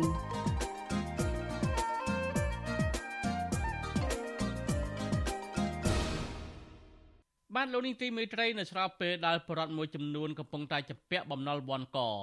រីឯបរដ្ឋដែលរស់នៅតំបន់អង្គរប្រឈមនឹងការបណ្តេញចេញទៅនៅទីតាំងថ្មីនោះបរដ្ឋនៅភូមិធម្មជាតិរុនតាឯកស្ថិតនៅក្នុងស្រុកបន្ទាយស្រីខេត្តសៀមរាបជាកន្លែងអាជ្ញាធរជាតិអប្សរាផ្លាស់ទៅនៅទីតាំងថ្មីនោះកំពុងតែប្រឈមនឹងបញ្ហាលំបាកដែរតំបន់រុនតាឯកស្ថិតនៅស្រុកបន្ទាយស្រីខេត្តសៀមរាបជាកន្លែងអាជ្ញាធរជាតិអប្សរារៀបចំដីសម្បត្តិសង្គមគិច្ចចែកជូនបរដ្ឋជាច្រើនគ្រួសារដែលជំនះពីតំបន់អង្គរឲ្យទៅរស់នៅទីនោះ ហើយបានក្លាយជាបញ្ហាចម្រូងចម្រាសផ្នែកជីវភាពនិងមុខរបរចិញ្ចឹមជីវិតរបស់ពលរដ្ឋបាទសូមលោកនាងស្ដាប់សេចក្តីរាយការណ៍របស់អ្នកស្រីសុជីវីអំពីរឿងនេះដូចតទៅមកទល់ពេលនេះពលរដ្ឋដែលផ្លាស់ទីពីតំបន់រមណីយដ្ឋានអង្គរទៅរស់នៅតំបន់ភូមិរុនតាឯកនៅមានតិចតួចប៉ុណ្ណោះដែលមានលទ្ធភាពសង់ផ្ទះដោយខ្លួនឯងហើយពលរដ្ឋខ្លះទុកផ្ទះចោលខ្លះដាក់ស្លាកលក់ដី និងខ្លះទៀតយកបានក្រីក្រទៅបញ្ចាំដើម្បីដោះស្រាយជីវភាព។ រីឯពលរដ្ឋមួយចំនួនទៀតបន្តរុះរើផ្ទះរបស់ខ្លួនចេញពីតំបន់រមណីយដ្ឋានអង្គរនិងខ្លះទៀតស្ទាក់ស្ទើរក្នុងការទទួលយកគោលនយោបាយរបស់អាជ្ញាធរជាតិអប្សរាពលរដ្ឋរស់នៅភូមិរុនតាឯកថ្លែងសុំមិនបញ្ចេញឈ្មោះដោយភ័យខ្លាចសវត្ថិភាពប្រាប់វិទ្យុអាស៊ីសេរីថាអ្នកភូមិភៀកច្រើនគ្មានការងារធ្វើពិបាករកប្រាក់ចំណូលចិញ្ចឹមជីវិតធ្វើឲ្យពួកគាត់ប្រឈមនឹងបញ្ហាច្រើនក្នុងពេលរស់នៅទីតាំងថ្មីលោកស្រីថា ពលរដ្ឋមួយចំនួនទៀតធ្វើចំណាក់ស្រុកដើម្បីសន្សំលុយសង់ផ្ទះថ្មី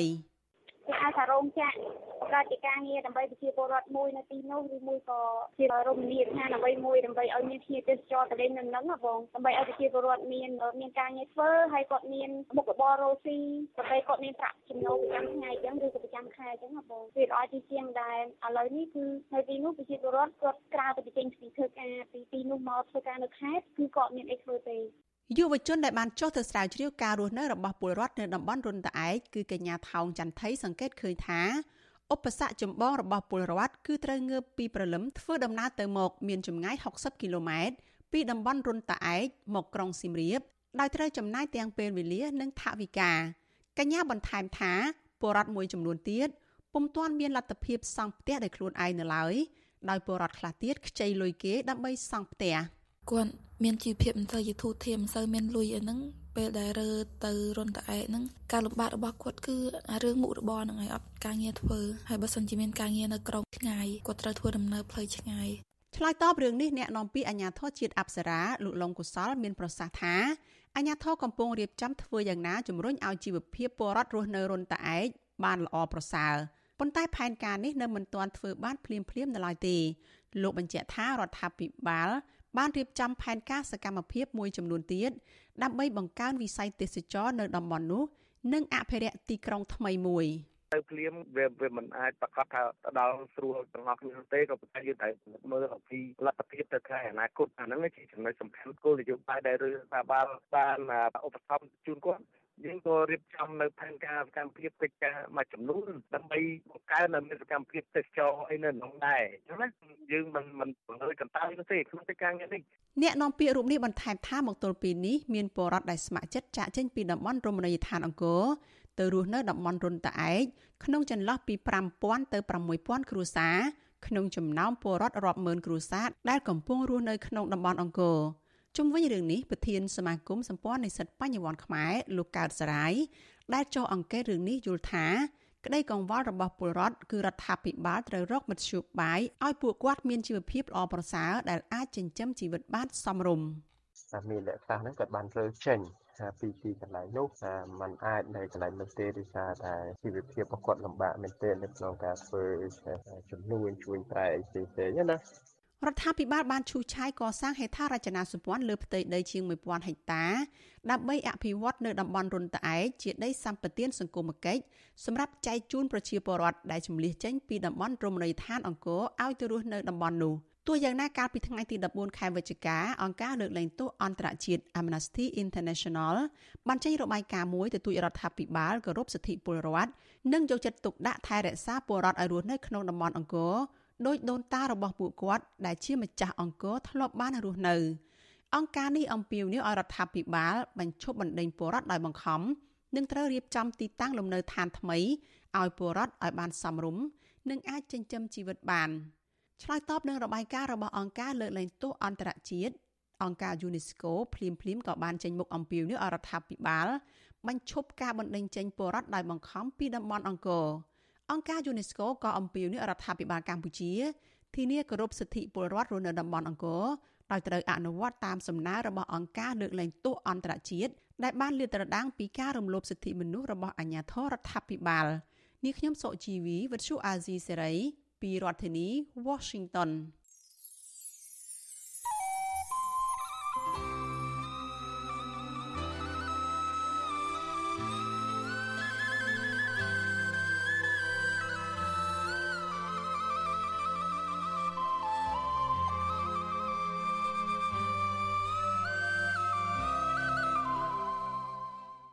បាទលោកនាងទីមេត្រីតកតងនឹងការជ្រើសរើសមន្ត្រីកសិកម្មឲ្យបម្រើការងារនៅក្រសួងកសិកម្មវិញបរដ្ឋនិងអ្នកជំនាញកសិកម្មសង្ឃឹមថារដ្ឋាភិបាលនឹងជ្រើសរើសមន្ត្រីកសិកម្មប្រកបដោយតម្លាភាពដើម្បីពង្រឹងវិស័យកសិកម្មនៅកម្ពុជាការជំរុញនេះបន្ទាប់ពីលោកនាយរដ្ឋមន្ត្រីហ៊ុនម៉ាណែតថ្លែងអះអាងកាលពីថ្ងៃទី20វិច្ឆិកាថាការជ្រើសរើសមន្ត្រីកសិកម្មគឺផ្អែកលើសមត្ថភាពនិងអ្នកចេះគឺជាប់បាទសូមលោកនាងស្ដាប់សេចក្តីរាយការណ៍របស់កញ្ញាខាន់លក្ខណាអំពីរឿងនេះដូចតទៅ។ ពលរដ្ឋនិងអ្នកជំនាញកសិកម្មហាក់នៅមានមន្ទិលបើទោះបីជាលោកនាយករដ្ឋមន្ត្រីហ៊ុនម៉ាណែតប្រកាសថាការជ្រើសរើសមន្ត្រីកសិកម្មចំនួន250នាក់នឹងធ្វើឡើងតាមការប្រឡងដោយផ្អែកលើសមត្ថភាពគ្មានបពុក្តីការប្រកាសរបស់លោកហ៊ុនម៉ាណែតនេះធ្វើឡើងក្នុងពិធីដាក់ឲ្យអនុវត្តកម្មវិធីនយោបាយអតិភិបពាក់ព័ន្ធទៅនឹងវិស័យកសិកម្មនៅថ្ងៃទី20ខែវិច្ឆិកាក្នុងពិធីនោះ លោកនាយករដ្ឋមន្ត្រីហ៊ុនម៉ាណែតបានណែនាំដល់ក្រសួងចំនួន3ក្នុងនោះក្រសួងកសិកម្មក្រសួងមុខងារសាធារណៈនិងក្រសួងសេដ្ឋកិច្ចឲ្យរៀបចំ ការប្រឡងជ្រើសរើសមន្ត្រីកសិកម្មប្រចាំឃុំសង្កាត់នានានៅទូទាំងប្រទេសដោយត្រូវធ្វើឡើងឲ្យមានលក្ខណៈបើកទូលាយដល់បេក្ខជន ដែលមានចំណេះដឹងនិងសមត្ថភាពបំពេញការងារនៅតាមមូលដ្ឋានលោកបញ្ជាក់ថា ការប្រឡងនេះត្រូវធ្វើដោយតម្លាភាព សមត្ថភាព និងគុណភាព មិនប្រកាន់បពពួកហើយអ្នកចេះគឺជាប់អញ្ចឹងយើងបាន ការប្រកួតប្រជែងនេះហើយធ្វើម៉េចឲ្យបានត្រឹមត្រូវយើងធានាអ្នកមានសមត្ថភាពចេះជាប់ហើយនេះហើយគឺ10000នាក់យើងយក250នាក់ប្រកាសជាមានអ្នកធ្លាក់ហើយតែបើជាប់ដែលខ្ញុំផ្សាយជាប់ជាប់ដោយមោទនៈបើធ្លាក់ធ្លាក់ឲ្យអស់ចិត្តនេះជាគោលការណ៍របស់យើង លោកហ៊ុនម៉ាណែតក៏ណែនាំឲ្យអាជ្ញាធរឃុំសង្កាត់យកចិត្តទុកដាក់ជ្រោមជ្រែងនិងគ្រប់គ្រងដល់មន្ត្រីជ្រើសរើសថ្មីទាំងនោះ នៅពេលពួកគេទៅបំពេញការងារ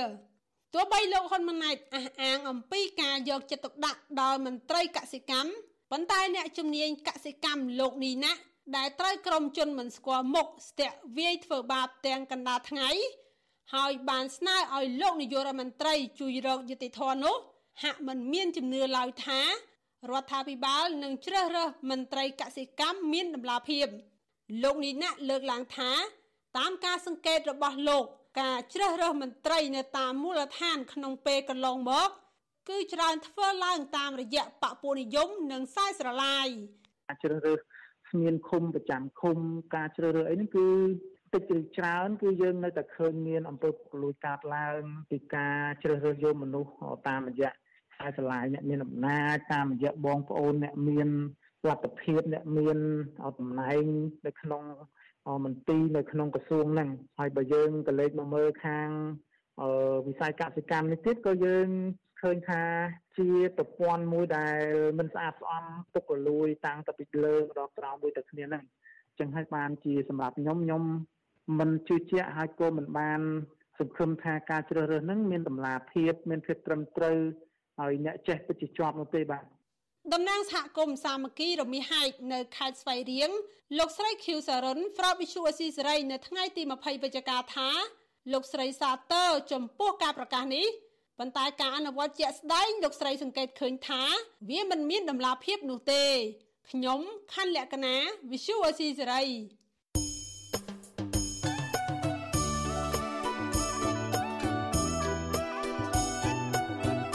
បាទលោកនាយកទីមេត្រីក្នុងឱកាសនេះដែរខ្ញុំបាទសូមថ្លែងអំណរគុណដល់លោកនាងកញ្ញាទាំងអស់ដែលតែងតែមានភក្ដីភាពចំពោះការផ្សាយរបស់យើងហើយចាត់ទុកការស្ដាប់វិទ្យុអាស៊ីសេរីជាផ្នែកមួយនៃសកម្មភាពប្រចាំថ្ងៃរបស់លោកនាងការគ្រប់គ្រងរបស់លោកនាងនេះហើយដែលធ្វើឲ្យយើងខ្ញុំមានទឹកចិត្តកាន់តែខ្លាំងថែមទៀតក្នុងការស្វែងរកនិងផ្តល់ព័ត៌មានជូនលោកនាងមានអ្នកស្ដាប់មានអ្នកទស្សនាកាន់តែច្រើនកាន់តែធ្វើឲ្យយើងខ្ញុំមានភាពស្វាហាប់មោះមុតជាបន្តទៅទៀតយើងខ្ញុំសូមអរគុណទុកជាមុន ហើយសូមអញ្ជើញលោកនាងកញ្ញាចូលរួមជំរុញឲ្យសកម្មភាពផ្តល់ព័ត៌មានរបស់យើងនេះកាន់តែជោគជ័យបន្ថែមទៀតលោកនាងអាចជួយយើងខ្ញុំបានដោយគ្រាន់តែចុចចែករំលែកឬ share ការផ្សាយរបស់យើងនៅលើបណ្ដាញសង្គម Facebook និង YouTube ទៅកាន់មិត្តភ័ក្តិដើម្បីឲ្យការផ្សាយរបស់យើងបានទៅដល់មនុស្សកាន់តែច្រើន សូមអរគុណ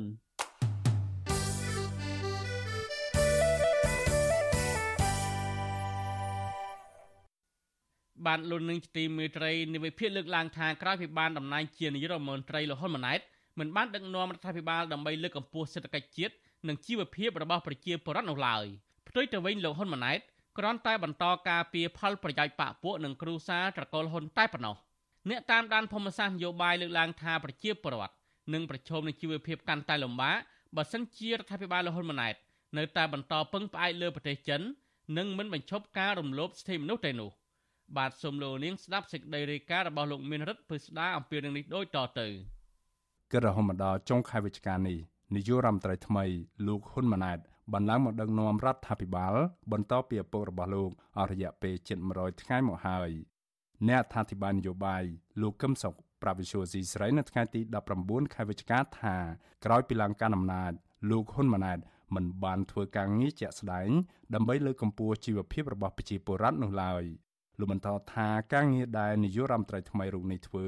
ភាកច្រើនគ្រាន់តែជាការរៀនថ្លែងសន្ទរកថាឲ្យរត់មាត់និងដើរខ្ចីលុយពីបរទេសដើម្បីការពារអំណាចរបស់ខ្លួនតែប៉ុណ្ណោះ ប៉ុន្តែរឿងទាំងអស់នេះសុទ្ធតែបរាជ័យពីព្រោះសន្ទរកថារបស់ហ៊ុនម៉ាណែតក៏ប្រជាពលរដ្ឋអត់ចាប់អារម្មណ៍ចំណែកឯការទៅខ្ចីលុយបរទេសឧទាហរណ៍ខ្ចីលុយចិនជាដើមមកដល់ពេលនេះអត់មានសញ្ញាថាចិនឲ្យលុយខ្ចីនោះទេដូច្នេះរដ្ឋាភិបាលរបស់ហ៊ុនម៉ាណែតធ្លាក់ទៅក្នុងវិបត្តិយ៉ាងជ្រៅដោះស្រាយមិនរួចទេបញ្ហានយោបាយក៏មិនហ៊ានដោះស្រាយបញ្ហាសេដ្ឋកិច្ចទេសចរកាន់តែវក់វីលោកកឹមសុខ បន្តថាបញ្ហាចម្បងដែលធ្វើឲ្យប្រជាពលរដ្ឋកាន់តែប្រឈមនឹងជីវភាពលំបាកលំបិនចាប់តាំងពីលោកហ៊ុនម៉ាណែតឡើងកាន់អំណាចនោះគឺដោយសារតែលោកហ៊ុនម៉ាណែតយកគំរូនៃការដឹកនាំប្រទេសតាមបែបបពុនិយមពុករលួយជាប្រព័ន្ធតាមឪពុករបស់លោកគឺលោកហ៊ុនសានកាលណាមិនដោះស្រាយវិបត្តិការងារវិបត្តិសេដ្ឋកិច្ចនឹងកើតមានកាន់តែធំធ្លាក់ទៅដល់វិបត្តិហិរញ្ញវត្ថុទៅទៀតរីឯវិបត្តិនយោបាយវិញ ខ្ញុំមើលទៅគាត់ចាំស្ដាប់តែខ្យល់ពីឪពុករបស់គាត់សុទ្ធសាធគ្មានសមត្ថភាពទាល់តែសោះក្រៅពីបន្តរដ្ឋបတ်សេរីភាពនយោបាយតាមរយៈការបញ្ចេញលេខិតទុតិយតានៃប្រកាសចុះបញ្ជីគណៈបកភ្លើងទៀននៅក្រសួងមហាផ្ទៃដើម្បីឲ្យគណៈបកនេះអាចចូលរួមប្រគល់ប្រជែងការបោះឆ្នោតជ្រើសរើសក្រុមប្រឹក្សាខេត្តក្រុងស្រុកខណ្ឌនិងរាជធានីនៅក្នុងឆ្នាំ2024ខាងមុខនោះហើយ រដ្ឋាភិបាលលោកហ៊ុនម៉ាណែតក៏នៅតែបន្តធ្វើនយោបាយការបរទេសលំអៀងទៅប្រទេសចិន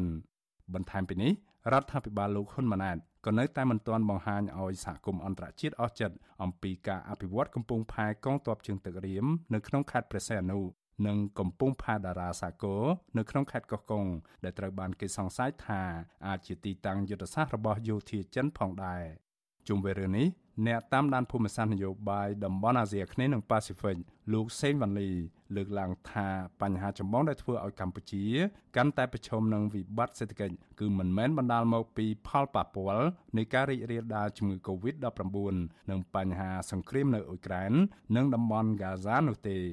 លោកបន្តថាមូលហេតុដែលធ្វើឲ្យកម្ពុជាកាន់តែប្រឈមនឹងវិបត្តិសេដ្ឋកិច្ចនោះគឺបញ្ហាអំពើពុករលួយ ការរំលោភសិទ្ធិមនុស្សនិងកង្វះធនធានមនុស្សគិតបើតែរដ្ឋាភិបាលថ្មីនេះព្យាយាមជំរុញយន្តការជួយសម្រួលដល់លំហូរវិនិយោគពីបរទេសទុំតែគាត់ថាយើងដឹងថាស្ថានភាពនយោបាយការរំលោភសិទ្ធិមនុស្សហើយនឹងបញ្ហាផ្សេងៗដូចជា cyber crime ប្រតិកម្មឆ្លងដែនហ្នឹងវារាំងស្ទះ ដល់ការអនុវត្តផែនការសេដ្ឋកិច្ចរបស់រដ្ឋាភិបាលថ្មីចង់និយាយថាស្ថានភាពក្នុងស្រុកហ្នឹងវាធ្វើឲ្យប៉ះពាល់ដល់មុខមាត់ហើយនឹង credibility ភាពជឿជាក់របស់អ្នកវិនិយោគទុនបរទេសហ្នឹងមកវិនិយោគក្នុងស្រុកខ្មែរលោកសេងវ៉ាន់លីបន្ថែមថាដោយសារតែសេដ្ឋកិច្ចកម្ពុជាភាគច្រើនពឹងផ្អែកតែទៅលើការវិនិយោគរបស់ចិនទាំងវិស័យអចលនទ្រព្យនិងវិស័យវាយនភ័ណ្ឌដូច្នេះលោកថាកម្ពុជាក៏នឹងបន្តរងនៅឥទ្ធិពលអាក្រក់ ពីវិបត្តិសេដ្ឋកិច្ចពីប្រទេសចិនផងដែរការជំរុញការតាក់ទាញការវិនិយោគពីចិនវាជារឿងដែលសាទរមួយប៉ុន្តែថាត្រូវមានភាពប្រុងប្រយ័ត្នយើងមិនអាចប្រឡែងឲ្យតែចិនតែម្នាក់ទេយើងគួរតែធ្វើកំណែទម្រង់ប្រព័ន្ធវិនិយោគហើយនឹងច្បាប់ក្នុងស្រុកនិងការគ្រប់គ្រងគម្រោងផ្សេងផ្សេងនឹងឲ្យមានភាពមានតម្លាភាពនិងករណីភាពដើម្បីតាក់ទាញការវិនិយោគពីបរទេសផង ផ្ទុយពីនយោបាយរដ្ឋមន្ត្រីថ្មីរបស់ប្រទេសថៃដែលដាក់ចេញនូវផែនការជាក់ស្ដែងជួយប្រជាពលរដ្ឋក្រីក្រដូចជាផែនការផ្តល់ប្រាក់10000បាតឬប្រមាណ300ដុល្លារអាមេរិកការអនុគ្រោះការពន្យាពេលបង់ប្រាក់ទៅធនាគាររយៈពេល3ឆ្នាំនិងការដាក់កំហិតឲ្យបញ្ចុះតម្លៃទំនិញតម្រូវការចាំបាច់ប្រចាំថ្ងៃនោះរដ្ឋាភិបាលលោកហ៊ុនម៉ាណែតមិនបានយកចិត្តទុកដាក់ជួយដល់ប្រជាពលរដ្ឋដែលកាន់តែមានជីវភាពលំបាកលំបិននោះឡើយ បន្ថែមពីនេះបន្ទាប់ពីឡើងកាន់តំណែងជានាយករដ្ឋមន្ត្រីភ្លាមភ្លាមរដ្ឋាភិបាលលោកហ៊ុនម៉ាណែតបែរជាដាក់ចេញនៅផែនការយកពន្ធសពសារពើពីប្រជាពលរដ្ឋទៅវិញលុះក្រោយពេលប្រជាពលរដ្ឋផ្ទុះការតវ៉ាពេញបណ្ដាញសង្គម Facebook ទើបលោកហ៊ុនម៉ាណែតចេញមកអះអាងថារដ្ឋាភិបាលរបស់លោកមិនមានផែនការយកពន្ធដោយតាមការលើកឡើងរបស់អគ្គនាយកនៃអគ្គនាយកដ្ឋានពន្ធដារលោកគង់វិបុលនោះទេបើទោះបីជាលោកហ៊ុនម៉ាណែត ធ្លាប់បានថ្លែងថាគោលនយោបាយជាអតិភិបរបស់រដ្ឋាភិបាលនីតិកាលទី7គឺដើម្បីស្ដារសេដ្ឋកិច្ចជាតិក្រោយពីការរីករាលដាលនៃជំងឺ Covid-19 ក៏ដោយក៏នៅពេលនេះស្ថានភាពសេដ្ឋកិច្ចកាន់តែធ្លាក់ចុះដុនដាបទៅវិញថ្មីថ្មីនេះលោកហ៊ុនម៉ាណែតក៏បានស្នើសុំឲ្យគ្រឹះស្ថានផ្ដល់ប្រាក់កម្ចីឲ្យសម្រួលការសងប្រាក់កម្ចីសម្រាប់ប្រជាពលរដ្ឋដែលកំពុងជួបវិបត្តិសេដ្ឋកិច្ចបាទអតិថិជនមានបញ្ហា ធនាគារឬក្រុមហ៊ុនដែលផ្ដល់កម្ចីក៏មានបញ្ហារដ្ឋាភិបាលក៏មានបញ្ហាអញ្ចឹងអ្វីដែលយើងបានផាត់អ្វីដែលយើងបានផ្ដល់ឲ្យគោលការណ៍នៅកាលពីថ្ងៃ13នោះគឺសង្ឃឹមថាប្រតិបត្តិការទាំងនៅក្នុងវិស័យធនាគារអចលនទ្រព្យក៏ដូចជាវិស័យផ្សេងផ្សេងដែលអាចបានផលនេះសូមធ្វើយ៉ាងណាគិតគូរវិធានការយ៉ាងណាដើម្បីជួយសម្រាលបន្តទៅដល់បងប្អូនប្រជាពលរដ្ឋទៅដល់អាជីវកម្មដែលជាអ្នកផ្សេង ទៅដល់ប្រជាពលរដ្ឋដែលទិញផ្ទះទៅដល់ប្រជាពលរដ្ឋដែលត្រូវការកម្ចីផ្សេងចឹងយើងជួយគ្នានៅក្នុងការលំបាកទោះពិតណាស់យើងត្រូវការប្រុងប្រយ័ត្នព្រោះមិនចង់ឲ្យអាលុំទាំងទាំងភ្នែនទេងាកមកវិស័យការងារវិញបើទោះបីជាប្រជាពលរដ្ឋកម្ពុជាភាគច្រើនស្ថិតនៅក្នុងវ័យជាយុវជន និងពេញកម្លាំងធ្វើការងារក្តីក៏រដ្ឋាភិបាលលោកហ៊ុនម៉ាណែតមិនបានបង្កើតការងារឲ្យបានគ្រប់គ្រាន់នោះឡើយ ប្រជាពលរដ្ឋដែលគ្មានការងារធ្វើនិងប្រជាកសិករដែលខាតបង់ពីការធ្វើស្រែចម្ការជាច្រើនអ្នកបានបង្ខំចិត្តភៀសខ្លួនទៅធ្វើការនៅប្រទេសថៃហើយភាគច្រើននៃអ្នកធ្វើចំណាក់ស្រុកទាំងនោះគឺធ្វើឡើងដោយប្រថុយប្រថាននិងមិនមានឯកសារច្បាប់ត្រឹមត្រូវនោះឡើយជុំវិញរឿងនេះនាយកប្រតិបត្តិអង្គការសមត្ថៈកម្ពុជា លោកអៀងវុធីយល់ឃើញថាក្រៅពីរដ្ឋាភិបាលមិនអាចរកចំណូលបានច្រើនពីវិស័យទេសចរនិងវិស័យកសិកម្មហើយនោះ ថ្នាក់ដឹកនាំរដ្ឋាភិបាលគួរតែបើកលំហប្រជាធិបតេយ្យនិងលើកកម្ពស់ការគោរពសិទ្ធិមនុស្សដើម្បីទទួលបានការបញ្ជាទិញផលិតផលវាយនភ័ណ្ឌឲ្យបានច្រើនឡើងវិញពីបណ្ដាប្រទេសអឺរ៉ុបនិងសហរដ្ឋអាមេរិក ការលក់ផលិតផលរបស់យើងទៅបណ្ដាប្រទេសទាំងអស់ហ្នឹងបានទាល់តែអាចបំពេញលក្ខខណ្ឌសិទ្ធិនៃការចូលរួមសកម្មភាពនយោបាយគណៈបកនយោបាយជាដើមអញ្ចឹងនេះគួរតែមានការចាត់ផ្ដើមពិនិត្យឡើងវិញថាតើយើងអាចធ្វើការជាមួយគ្នាយ៉ាងម៉េចជាពិសេសគ្រប់និន្នាការនយោបាយហ្នឹងដើម្បីឲ្យប្រទេសយើងអាចបំពេញបាននៅលក្ខខណ្ឌផ្សេងផ្សេងជាពិសេសការធ្វើការរស់ស៊ីជាមួយបណ្ដាប្រទេសសេរីទាំងអស់នោះបាទ របាយការណ៍របស់ធនាគារពិភពលោកចេញផ្សាយកាលពីចុងខែតុលារកឃើញថាសេដ្ឋកិច្ចកម្ពុជា នៅតែងាយដួលរលំដោយសារតែកម្ពុជាពឹងផ្អែកខ្លាំងទៅលើទីផ្សារនាំចេញ និងប្រភពហិរញ្ញវត្ថុពីបរទេសអ្នកវិភាគនយោបាយលើកឡើងថាដើម្បីលើកកម្ពស់ជីវភាពប្រជាពលរដ្ឋលោកហ៊ុនម៉ាណែត គួរតែបើកលំហប្រជាធិបតេយ្យដើម្បីទទួលបានការគ្រប់គ្រងពីបណ្ដាប្រទេសនាំមុខខាងលទ្ធិប្រជាធិបតេយ្យជាជាងធ្វើនយោបាយលំអៀងទៅរកប្រទេសចិនបន្តរដ្ឋបတ်សិទ្ធិមនុស្សមិនហ៊ានប្រកួតប្រជែងនយោបាយជាមួយគណៈបកប្រឆាំងដោយយុត្តិធម៌ដើម្បីរក្សាអំណាចរបស់ខ្លួនខ្ញុំបានមេរិត Visual Asia ស្រីពីរដ្ឋធានី Washington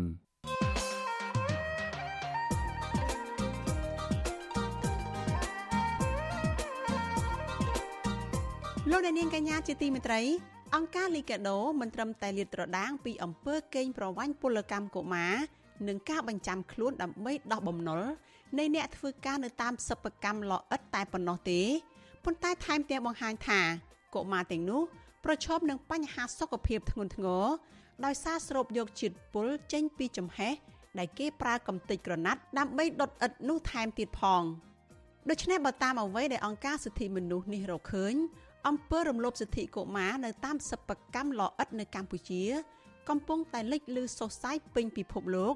ព្រោះកំទេចក្រណាត់ទាំងនោះតាក់ទងនឹងសម្លៀកបំពាក់របស់ក្រុមហ៊ុនម៉ាកល្បីៗជិត20នៅលើពិភពលោកចាវេទិកាអ្នកស្ដាប់វិទ្យុអាស៊ីសេរីនៅយប់ថ្ងៃអង្គារនេះនឹងជជែកពិភាក្សាដោយផ្ដោតលើថាតើមូលហេតុអ្វី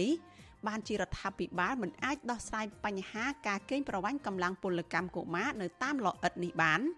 តើក្រុមហ៊ុនសម្លៀកបំពាក់ម៉ាកល្បីៗជាប់ពាក់ព័ន្ធយ៉ាងណានៅក្នុងការកេងប្រវ័ញ្ចពលកម្មកុមារនិងសុខភាពកុមារតាមលអិតនៅខ្មែរនេះចាសសូមលោកអ្នកនាងរងចាំតាមដានស្ដាប់និងចូលរួមជជែកពិភាក្សាអំពីរឿងនេះក្នុងនីតិវេទិកាអ្នកស្ដាប់វិទ្យុអាស៊ីសេរីនៅយប់ថ្ងៃអង្គារនេះកុំបីខាន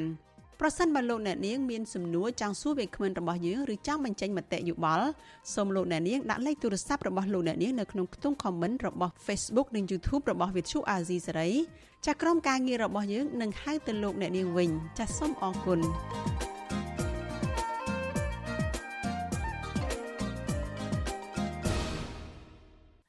បានលោកនាងជាទីមេត្រីតទៅនឹងការធ្វើអាជីវកម្មកំទេចថ្មភ្នំធម្មជាតិវិញ សកម្មភាពយកកំទេចភ្នំធម្មជាតិធ្វើអាជីវកម្មពីសំណាក់ក្រុមហ៊ុនឯកជនស្ថិតនៅស្រុកបាណន់ខេត្តបាត់ដំបងបានធ្វើឲ្យបរិវត្តច្រើនគ្រួសារផ្លាស់ប្ដូរទីលំនៅនិងធ្វើចំណាក់ស្រុកចុះហែបាទសូមលោកនាងស្ដាប់សេចក្តីរាយការណ៍របស់លោកសេចបណ្ឌិតអំពីរឿងនេះដូចតទៅក្រមយុវជនរស់នៅរាជធានីភ្នំពេញនិងខេត្តបាត់ដំបងទាមទាររដ្ឋាភិបាលពិនិត្យឡើងវិញ ពីអាជីវកម្មរំលាយភ្នំតាក្រៀមនិងភ្នំជាច្រើនទៀតដើម្បីយកដីនិងថ្ម ស្ថិតនៅក្នុងស្រុកបាណន់ខេត្តបាត់ដំបងដែលពួកគាត់ចោទថាខ្វះតម្លាភាពពួកគាត់រកឃើញថាអាញាធរខេត្តនេះមិនយកចិត្តទុកដាក់ដោះស្រាយទុកកង្វល់របស់ប្រជាពលរដ្ឋជាច្រើនពាន់គ្រួសារដែលរងផលប៉ះពាល់ដោយផ្ទាល់នៅជុំវិញភ្នំទាំងនេះទេរីឯពលរដ្ឋជិត1000គ្រួសារទៀតរស់នៅក្នុងភូមិប៉ោយស្វាយនិងភូមិតាក្រៀមក្នុងឃុំតាក្រៀមត្អូញត្អែពីការបាត់បង់កន្លែងអាស្រ័យផលព្រៃឈើ កន្លែងខ្វៀលគោនិងជំរកសត្វព្រៃនៅតាមបណ្ដោយជើងភ្នំក្រមយុវជនរស់នៅខេត្តបាត់ដំបងកញ្ញាខេមរារស្មីប្រាប់បទសុអសីសេរីថាអាជីវកម្មការយកដីនិងថ្មរំលេចភ្នំទាំងនេះបង្កប់ភាពមិនប្រក្រតីជាច្រើនហើយសំណុំពរទាំងឡាយរបស់ប្រជាពលរដ្ឋមិនទាន់ឃើញអាជ្ញាធរដោះស្រាយនៅឡើយទេកញ្ញាបន្ថែមថាបច្ចុប្បន្នគ្រឿងចាក់ជាច្រើនគ្រឿងកំពុងមមាញឹកបំផ្ទុះថ្ម និងរថយន្តដឹកថ្មរាប់សិបគ្រឿងទៀត បើកយ៉ាងលឿនកាត់មុខផ្ទះពលរដ្ឋកើតមានគ្រោះថ្នាក់ចរាចរណ៍ជាញឹកញាប់កញ្ញាបារម្ភថាបរិស្ថានធម្មជាតិជុំវិញផ្ទះអ្នកភូមិដែលធ្លាប់ស្រស់បំប្រងហុំព័ទ្ធទៅដោយព្រៃភ្នំ បែរជាបាត់បង់នៅចំនួននេះនឹងយើងចង់ឲ្យអាជ្ញាធរគាត់បងខាញនៅដំណាភាពបើមិនជាគាត់យកអានឹងទៅអភិវឌ្ឍឬក៏ធ្វើផ្លូវថ្នល់អីសូមគាត់បង្ហាញជាទូទៅឲ្យវិជាពលរដ្ឋថ្នល់អីយើងដឹងទាំងអស់គ្នាក៏ប៉ុន្តែជាក់ស្ដែងឥឡូវហ្នឹងយើងអត់ដឹងថាគាត់យកដីហ្នឹង ទៅលក់ជាកម្មសិទ្ធិឯកជនឬក៏ជាការអភិវឌ្ឍម្យ៉ាងវិញទៀតយើងសោកស្ដាយដោយសារតែតំបន់ភ្នំវាជាតំបន់ប្រវត្តិសាស្ត្រមួយសម្រាប់ជនជាតិយើងអញ្ចឹងណាបើមិនជាវាបាត់បង់ទៅដោយដោយការប្រើប្រាស់មិនមានដំណាភាពអាហ្នឹងវាជារឿងមួយដែលដែលយើងទទួលយកអត់បានទេបងក្រមយុវជនរកឃើញថាកាលពីមិនទាន់មានវត្តមានក្រុមហ៊ុនកាយថ្មភ្នំទេសភាពតាមជើងភ្នំសម្បូរទៅដោយព្រៃឈើសត្វព្រៃ និងកន្លែងខ្វៀលគោក្របីរបស់អ្នកស្រុកបាណន់ជាច្រើនពាន់គ្រួសារក៏ប៉ុន្តែបច្ចុប្បន្នតំបន់នោះត្រូវក្រុមហ៊ុនឯកជនយ៉ាងហោចណាស់ចំនួន5ដណ្ដើមគ្នាពុះចាយភ្នំទ្រូងទ្រាយធំ កាន់តែច្រើនឡើង នៅរយៈពេលជាង5ឆ្នាំចុងក្រោយនេះបន្ថែមពីលើនេះទៀតពលរដ្ឋជាច្រើនគ្រួសាររស់នៅតាមជើងភ្នំ រំខានដោយសម្លេងក្របរំសេវបំផ្ទុះថ្ម មានជាតិគីមីហូរច្រោះចូលដីស្រែចម្ការ ប៉ះពាល់ដល់ផលដំណាំកសិកម្មរបស់ពួកគាត់រីឯពលរដ្ឋមួយចំនួនទៀតបានផ្លាស់ប្ដូរទីលំនៅ ដោយសារពួកគាត់មិនអាចទ្រាំនឹងផលប៉ះពាល់នេះពលរដ្ឋរស់នៅក្នុងភូមិប៉ោយស្វាយឃុំតាក្រៀមលោកឆាយភៅថ្លែងថា នៅពេលក្រុមហ៊ុនបំផ្ទុះថ្មភ្នំម្ដងម្ដងផ្ទះរបស់លោកនៅគៀកនឹងជើងភ្នំញ័រខ្ទោធ្វើឲ្យប្រេះជញ្ជាំងផ្ទះលោកសោកស្ដាយក្រោយពីមានវត្តមានក្រុមហ៊ុនទាំងនេះ អ្នកភូមិបាត់បង់កន្លែងខ្វៀលគោរោគប្រាក់ចិញ្ចឹមជីវិត និងបាត់បង់វិស័យទេសចរទើបើវាប្រះផ្ទះប្រះអីប៉ុណ្ណឹងអើឲ្យយ៉ាប់អាកន្លែងគោកន្លែងពេស៊ីទាំងអីដើមមានខ្វះអីកន្លែងហ្នឹងតែឥឡូវគេបង្កើតកន្លែងថ្មមកគេគេបិទកន្លែងគេហ្នឹងគេទៅលបងទៅអីគោពេអីចូលមិនបានប៉ុណ្ណឹងចាប់តាំងពីឆ្នាំ2021មកទល់នឹងពេលនេះពលរដ្ឋរាប់រយនាក់បានស្រែកតវ៉ាបិទផ្លូវជាច្រើនដង ដើម្បីរារាំងមិនឲ្យរថយន្តរបស់ក្រុមហ៊ុន ដឹកថ្មឆ្លងកាត់ភូមិឋានរបស់ពួកគាត់ធ្វើឲ្យហុយធូលីដីប៉ះពាល់ដល់សុខភាពពលរដ្ឋនិងកុមារមានជំងឺផ្លូវដង្ហើមអ្នកភូមិស្នើឲ្យអាជ្ញាធរផ្អាកសកម្មភាពក្រុមហ៊ុនទាំងនេះក៏ប៉ុន្តែគ្មានបានផលឡើយមកទល់នឹងពេលនេះសកម្មជនចលនាមេដាធម្មជាតិលោកថនរដ្ឋាដែលចុះទៅអង្កេតរឿងនេះរកឃើញថាពលរដ្ឋមួយចំនួនដែលរងផលប៉ះពាល់ពីអាជីវកម្មកាយភ្នំ ខ្លះបាក់ទឹកចិត្តខ្លះខឹងសម្បាននឹងអាជ្ញាធរហើយបង្ខំចិត្តធ្វើចំណាក់ស្រុកជាបន្តបន្ទាប់លោកថាអ្នកភូមិជាច្រើនពាន់គ្រួសារមិនសប្បាយចិត្តនឹងសកម្មភាពកាយកំទេចភ្នំទាំងនេះទេហើយផលប្រយោជន៍ដែលអ្នកភូមិធ្លាប់ទទួលបានពីធនធានធម្មជាតិគឺធ្លាក់ទៅលើដៃក្រុមហ៊ុនឯកជន និងអ្នកមានអំណាច។ អ្វីដែលសំខាន់ជាងគេនោះគឺការកាយព្រំនេះគឺបានធ្វើឲ្យពួកគាត់ភាកច្រើនហ្នឹងគឺបានបាត់បង់មុខរបរតាមរយៈការទាញយកអនុផល ពីភ្នំទាំងអស់នោះមានដូចជាការទៅរត់តពាំងទៅរោអីផ្សេងផ្សេងនៅនៅភ្នំទាំងអស់ហ្នឹងដែលធ្វើឲ្យប្រជាជនភាកច្រើនហ្នឹងបានធ្វើចំណាក់ស្រុកចេញពីភូមិឋានរបស់ពួកគាត់ដើម្បីទៅរកការងារធ្វើនៅខេត្តផ្សេងផ្សេងជាពិសេសហ្នឹងគឺទៅប្រទេសថៃបាទក្រុមហ៊ុនដែលធ្វើសកម្មភាពកាយថ្មភ្នំចំនួន7ទីតាំងផ្សេងគ្នា នៅតំបន់ភ្នំតាក្រៀមរួមមានក្រុមហ៊ុនហេងឆាត ក្រុមហ៊ុននីមេងក្រុមហ៊ុនតាំងថៃឡុងក្រុមហ៊ុនធីឡុងនិងបុគ្គលមានលុយមានអំណាចមួយចំនួនទៀតវិទ្យុអស៊ីសេរីនៅពុំទាន់អាចតាក់ទងសុំការបំភ្លឺពីតំណាងក្រុមហ៊ុនទាំងនេះបាននៅឡើយទេនៅថ្ងៃទី17វិច្ឆិការីឯអភិបាលខេត្តបាត់ដំបងលោកសុកលូនិងអ្នកនាំពាក្យក្រសួងរ៉ែលោកអឹងឌីបូឡាក៏មិនទាន់អាចតាក់ទងបានដែរនៅថ្ងៃដដែលនេះ ដោយទូរស័ព្ទហៅចូលតែគ្មានអ្នកទទួលក៏ប៉ុន្តែមេឃុំតាក្រៀមលោកនៃពៅ មានប្រសាសន៍ថាក្រុមហ៊ុនដែលកំពុងធ្វើអាជីវកម្មកាយភ្នំ ចូលរួមជួយកសាងផ្លូវនិងអភិវឌ្ឍមូលដ្ឋានមួយចំនួន ហើយក្រុមប្រឹក្សាឃុំ បានប្រជុំពិភាក្សាគ្នា ស្នើឲ្យក្រុមហ៊ុនបន្តស្ថាបនាផ្លូវចាក់បេតុងបន្ថែមទៀតដើម្បីសម្រួលការធ្វើដំណើររបស់ពលរដ្ឋដែលរងផលប៉ះពាល់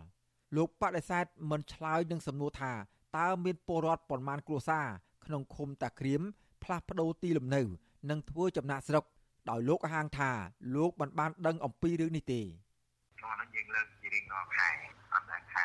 ពាក់ព័ន្ធនឹងបញ្ហាផលប៉ះពាល់ទាំងដីហើយទាំង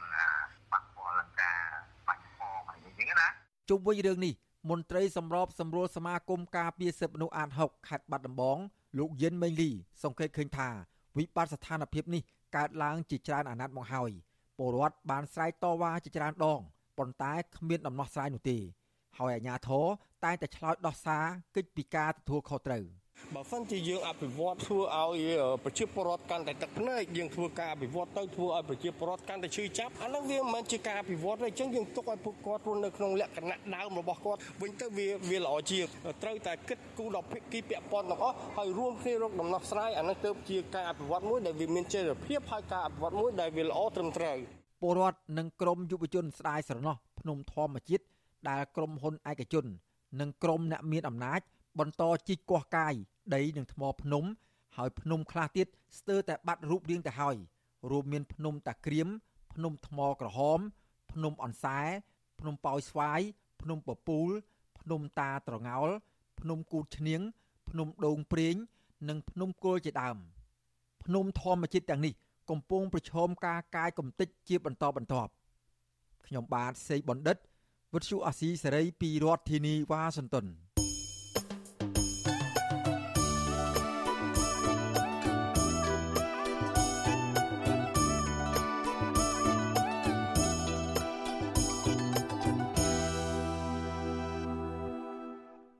បាទលោកនាងជាទីមេត្រីការផ្សាយរយៈពេល1ម៉ោងនៃវិទ្យុអាស៊ីសេរីជាភាសាខ្មែរនៅពេលនេះចប់តែប៉ុណ្ណេះយើងខ្ញុំសូមជូនពរដល់លោកនាងព្រមទាំងក្រុមគ្រួសារទាំងអស់ឲ្យជួបប្រកបតែនឹងសេចក្តីសុខចម្រើនរុងរឿងកុំបីឃ្លៀងឃ្លាតឡើយ